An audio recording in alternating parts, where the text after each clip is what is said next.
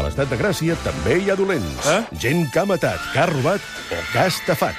I sí, al nostre estat, com a tots els altres, els dolents ens repugnen, però sovint també ens fascinen. Mm. I ningú els coneix millor que el nostre ministre d'Afers Foscos, l'il·lustre, què dic il·lustre, il·lustríssim Carles Porta.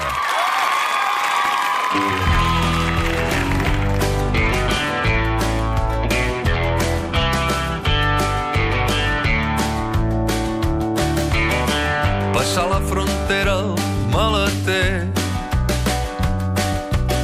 d'un Mercedes verd i atrotinat. Històries de mitja tarda amb el Carles Porta. Com estàs, Carles? Bé, bé, bé, bé, em sap greu que hi ha gent que diu que ho fem dura massa, però bé, la qüestió és que mos passem bé aquestes estones. No, no, i que, i que hi ha moltes cas, coses per descobrir. Clar, sí, hi té sí. molt de suc i no es pot córrer, perquè aquí, mm, No, vulguis o no, aquesta gent s'hi juga 25 anys de presó.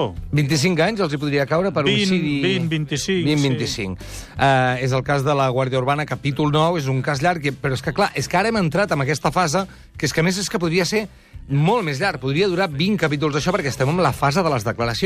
I recordem que les declaracions de la Rosa i les de l'Albert, el seu amant, no s'assemblen gens. És, és un ou i una castanya. Podrien ser dues realitats paral·leles. Exactament. Si us sembla, fem una repassada del que hem explicat fins ara.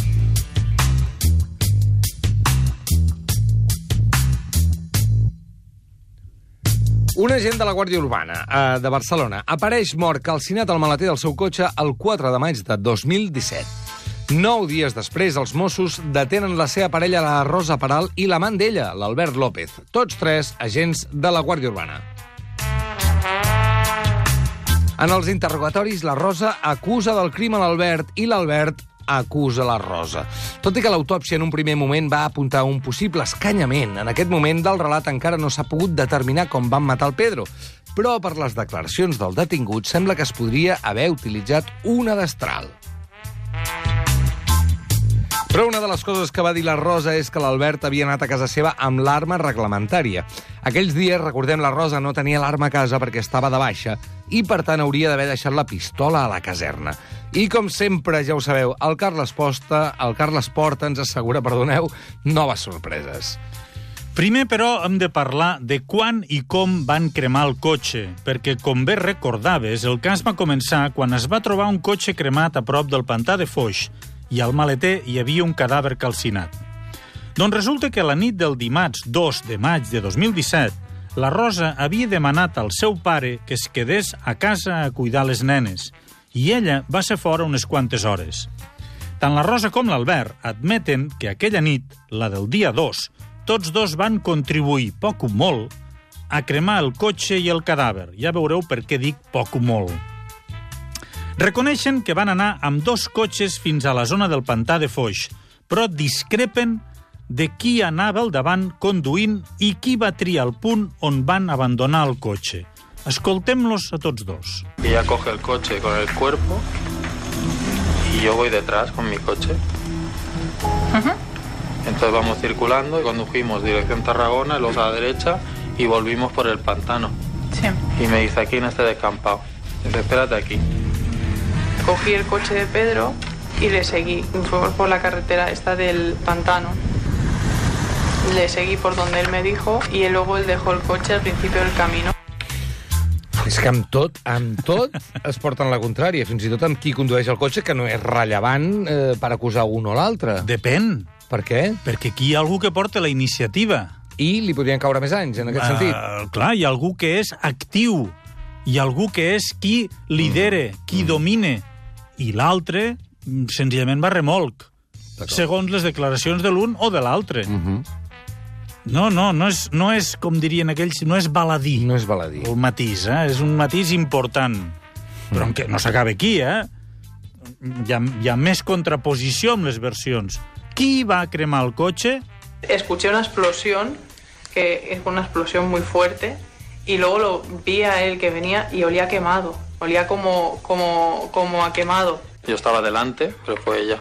Le echó la gasolina, pues yo más o menos, le echó la gasolina, empezó a arder Ara vindrà una declaració de l'Albert que a mi em fa ballar el cap. Escoltem-lo. A punto de que usted llegue a comprar la gasolina y, y llevársela a casa. Sí. Usted sabía que con esa gasolina quería quemar el cuerpo Sí, claro, sí. y aún así no lo evitó. No. Això ho estava pensant jo, clar, perquè ell no fa res. Un moment, un moment. L'Albert López, agent de la Guàrdia Urbana des de l'any 2009, encara va dir més coses. Yo incumplí mi obligación, en eso sí que estoy con usted, que tenía que haberlo denunciado, pero me pudo el chantaje emocional que me hizo. Me insiste mucho, hasta que lo consigue, no para de insistir. Y sabe cómo convencerte. Arribats a aquest punt, en què cadascun explica una versió que acusa l'altre, m'agradaria anar una mica endarrere i referir-me al mòbil, al motiu, al per què podien voler matar el Pedro. I hem dit que diversos testimonis diuen que era molt gelós, fins al punt que l'Albert i la Rosa no es podien saludar si es trobaven per la caserna de la Guàrdia Urbana. Un dels mòbils que tenen els Mossos damunt la taula, als inicis de la investigació, és que la Rosa i l'Albert tenien una relació d'amagat del Pedro i quan se'n va assabentar el van matar. Podria passar que ara que els han descobert, l'un acusi l'altre.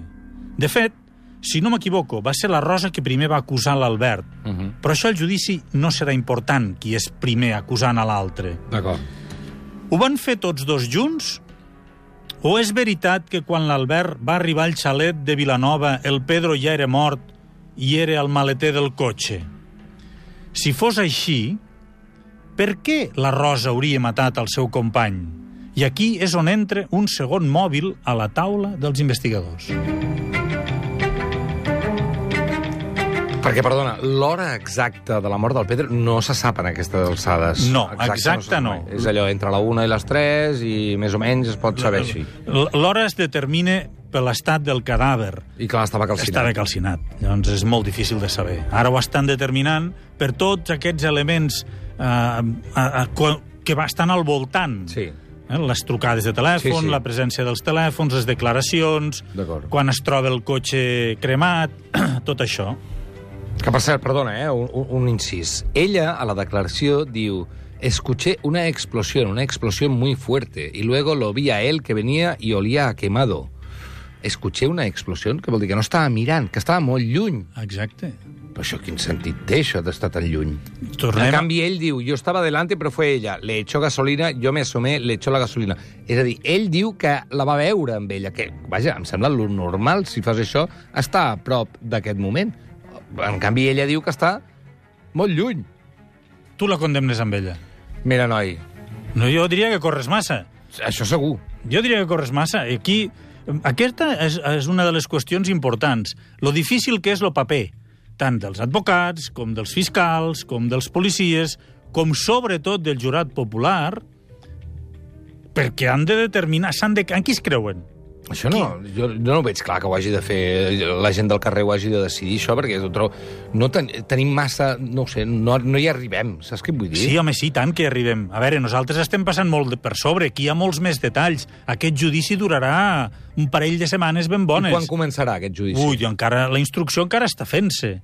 Ja veuràs, els propers capítols encara ensenyarem un parell de coses. Fa quatre dies ha sortit coses als mitjans de comunicació.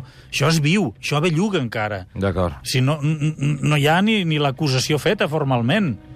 Mm, mm. I ells on són, ara? A la presó. Presó preventiva. A la presó preventiva, sí, sí, sí, sí. Fa uns capítols vam explicar... Ara tornàvem... Sí, perdona. No, fem una petita recapitulació. Eh. És a dir, el primer mòbil que van analitzar els Mossos d'Esquadra de per què van matar amb aquest home Sí. era perquè la Rosa i l'Albert tenien una relació, el Pedro els va descobrir i perquè no s'emprenyés més del compte o perquè se'l volia entrar del mig, el van matar. Aquesta era la primera hipòtesi. Però apareixen noves hipòtesis. Fa, fa uns capítols vam explicar que una de les filles havia vist com el Pedro pegava a la Rosa. Uh -huh. I encara que ella no ho hagi reconegut, algun testimoni diu que la relació no era gens bona. Podia ser, i aquesta és una de les hipòtesis dels investigadors, podria ser que el Pedro maltractés la Rosa i aquesta farta del maltractament el matés? I un cop mort demanés ajuda a l'Albert per desfer-se del cos? I que l'Albert, enamorat de la Rosa, es deixés influir per la insistència de la dona i l'acabés ajudant? És que cada cop que dius una hipòtesi, crec que és aquesta. o sigui, imagina't el que serviria jo per un jurat popular. Bueno, potser ets- un jurat més ideal i, i s'han d'esforçar més a demostrar-te les coses. El cas és que aquesta hipòtesi que està damunt de la taula és una possibilitat. Però els investigadors no ho tenen clar del tot per alguns detalls. La Rosa és una dona de complexió normal Mm. i el Pedro feia metre 90 i era molt fort. La primera versió de l'autòpsia insinua sense gaire convicció que el podien haver matat escanyant-lo perquè es van detectar dos trencaments a les puntes del cartílag tiroide, al coll, a la zona del coll. Uh -huh. Els Mossos no veuen gens clar que la Rosa tingui prou força per haver pogut escanyar el Pedro. Però ho podien haver fet tots dos, alhora. I tant! Això és una cosa que continua flotant. S'ha de demostrar. Els Mossos dubten que ella hagués pogut escanyar amb les seues mans al Pedro. Tot i que no saben realment si aquesta és la causa de la mort. No, però hi ha un petit indici uh -huh. de que el, les cervicals, els ossos que van quedar menys cremats, els forenses creuen veure-hi un petit trencament a les puntes i creuen que allò podria ser indici de... Perdona, eh, no em vull posar escabrós, però escanyar algú no és fàcil, eh? No, gens ni mica, i menys si pesa, si, si, Si fa si pesa 90. 100 quilos, fa metro 90 i és un home fortot. Però i la destral? Amb el poc que va quedar dels ossos de la víctima, no es van apreciar marques que fessin pensar en cops de destral. També és cert que els ossos estaven molt cremats. Sí que sembla que el cos li podien haver amputat les cames. És a dir, els forenses no descarten Que... que... És que no hi cap amb un maleter. Un Molt tio... bé, oh, és que corres molt. És que no hi cap, és que això té... és, és evident. doncs no es descarta que un cop mort fos esquarterat, perquè fer-lo entrar al maleter d'un Volkswagen Golf, Buf. un tio de metro 90, No, no, no. no és fàcil. Però cal insistir que un cos calcinat és molt difícil d'examinar i es juga més amb suposicions que amb certeses. Per cert, la destral no ha aparegut mai. Doncs pues no anem bé. El que sí que va aparèixer al maleter, entre les restes de la víctima, va ser un petit objecte metàl·lic que després de mirar-lo i la remirar-lo pròtesi, no era la pròtesi. es va enviar al Departament de Balística perquè fos analitzat. Sí, Era un altre cargol d'una altra pròtesi sí, o podia ser una bala? colló. Ho sabrem la setmana que ve. I mentre els de balística estudien l'objecte metàl·lic, farem una repassada al currículum dels nostres tristos protagonistes. El programa Equipo de Investigación de la Sexta va dir que la Rosa treballava de gogó en una discoteca de Barcelona i que a la mateixa discoteca hi treballava el Rubén, Uh -huh. es van enamorar i tots dos es van apuntar a l'escola de policia. Ell es va fer mosso i ella agent de la Guàrdia Urbana de Barcelona. La Rosa va entrar a la Urbana al 2007 i de seguida va destacar, fins al punt que va ser una de les protagonistes d'un vídeo promocional per captar nous agents. L'any 2008, però, va ser protagonista d'una altra pel·lícula però gens agradable. Resulta que la Rosa tenia una relació amb un sotsinspector i sembla que quan ella el va voler deixar, ell va enviar un correu electrònic a tots els contactes de la Rosa amb una foto on se la veia ella a punt de practicar sexe amb, amb un home. Si veu un penis. Ja veureu per què dono aquest detall.